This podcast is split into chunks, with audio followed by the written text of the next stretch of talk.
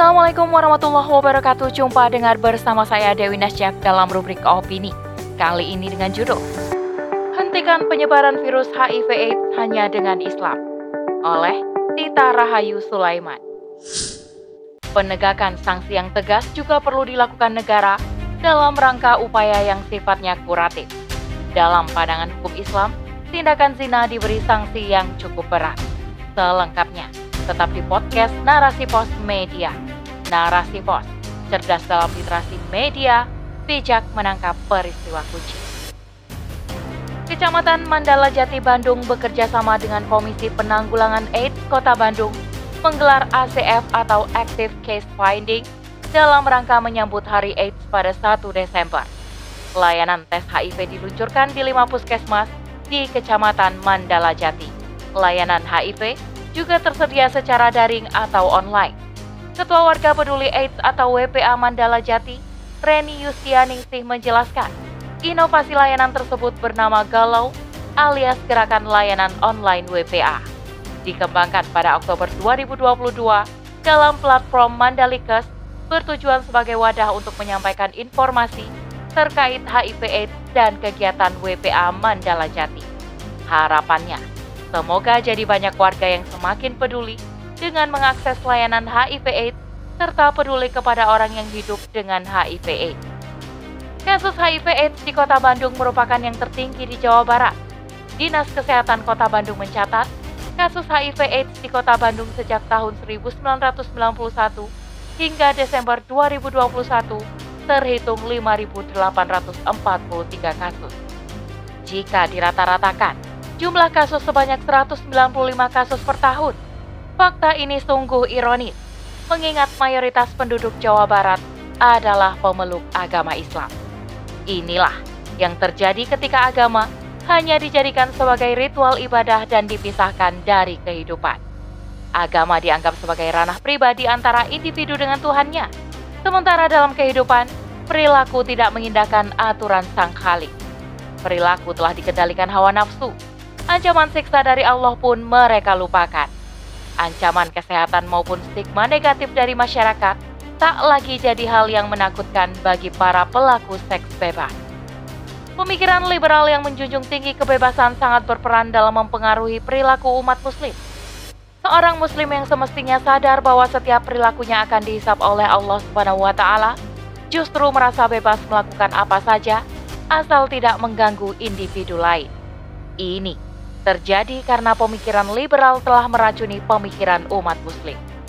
Kehidupan dunia dijalani semata-mata untuk mengejar kebahagiaan dengan mengabaikan aturan dari Allah Subhanahu wa Ta'ala sebagai Penciptanya.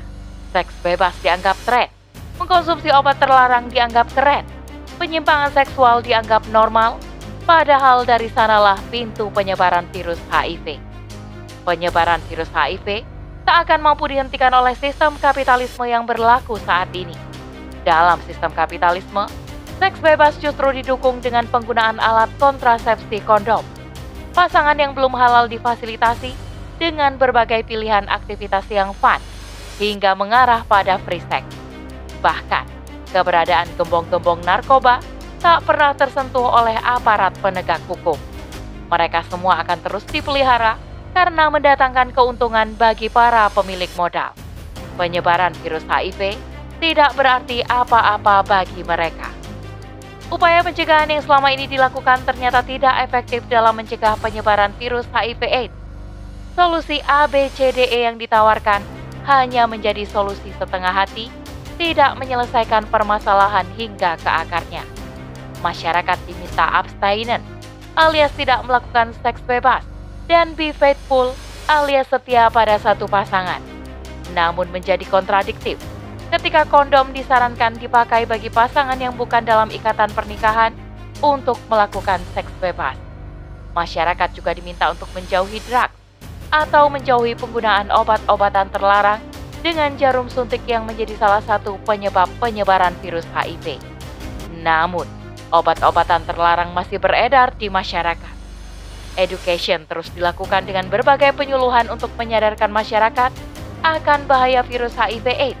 Nyatanya kasus terus ditemukan dan penyebaran virus tak mampu dihentikan.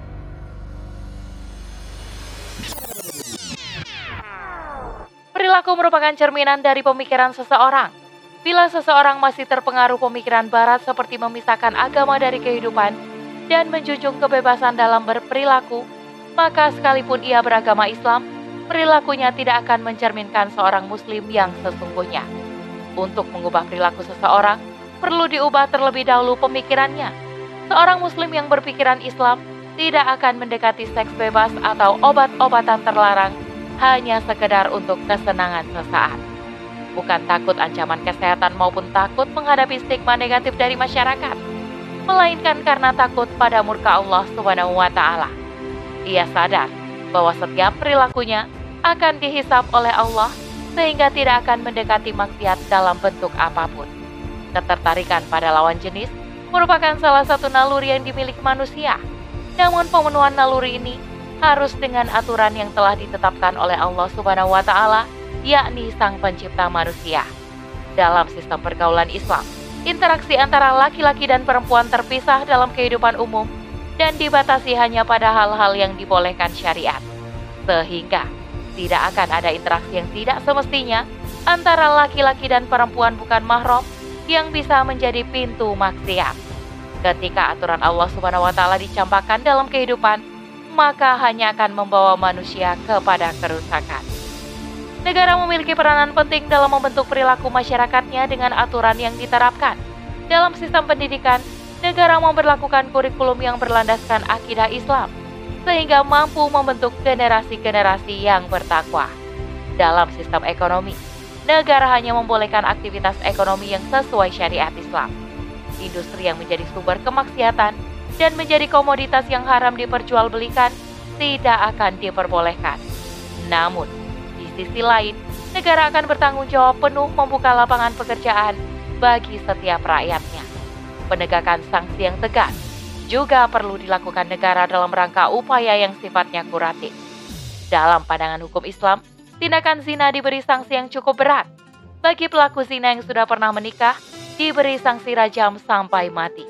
Rasulullah Shallallahu Alaihi Wasallam bersabda, seorang yang telah menikah berzina dengan seorang yang telah menikah dicambuk seratus kali dan dirajam. Hadis riwayat Muslim. Bila pelaku zina yang belum pernah menikah diberi sanksi dicambuk seratus kali. Allah taala berfirman, perempuan yang berzina dan laki-laki yang berzina, maka deralah tiap-tiap seorang dari keduanya seratus kali derah. Dan janganlah belas kasihan kepada keduanya, mencegah kamu untuk menjalankan agama Allah. Jika kamu beriman kepada Allah dan hari akhirat, dan hendaklah pelaksanaan hukum mereka disaksikan oleh sekumpulan orang-orang yang beriman.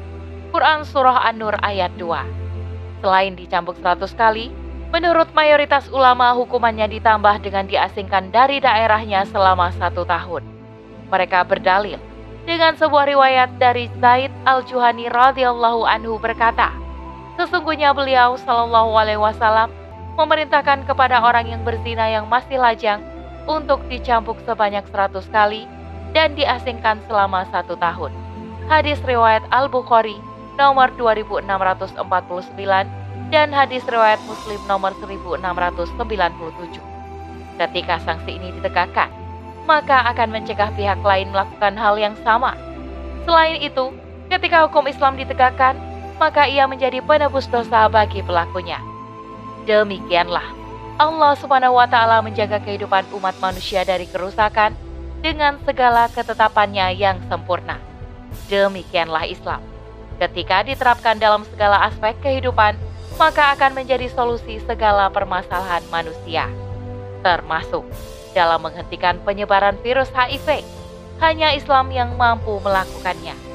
Apakah hukum jahiliyah yang mereka kehendaki? Dan hukum siapakah yang lebih baik daripada hukum Allah bagi orang-orang yang yakin? Quran Surah Al-Maidah ayat 50 Demikianlah rubrik opini kali ini. Sampai bertemu di rubrik opini selanjutnya. Saya Dewi Nasya kundur diri. Assalamualaikum warahmatullahi wabarakatuh.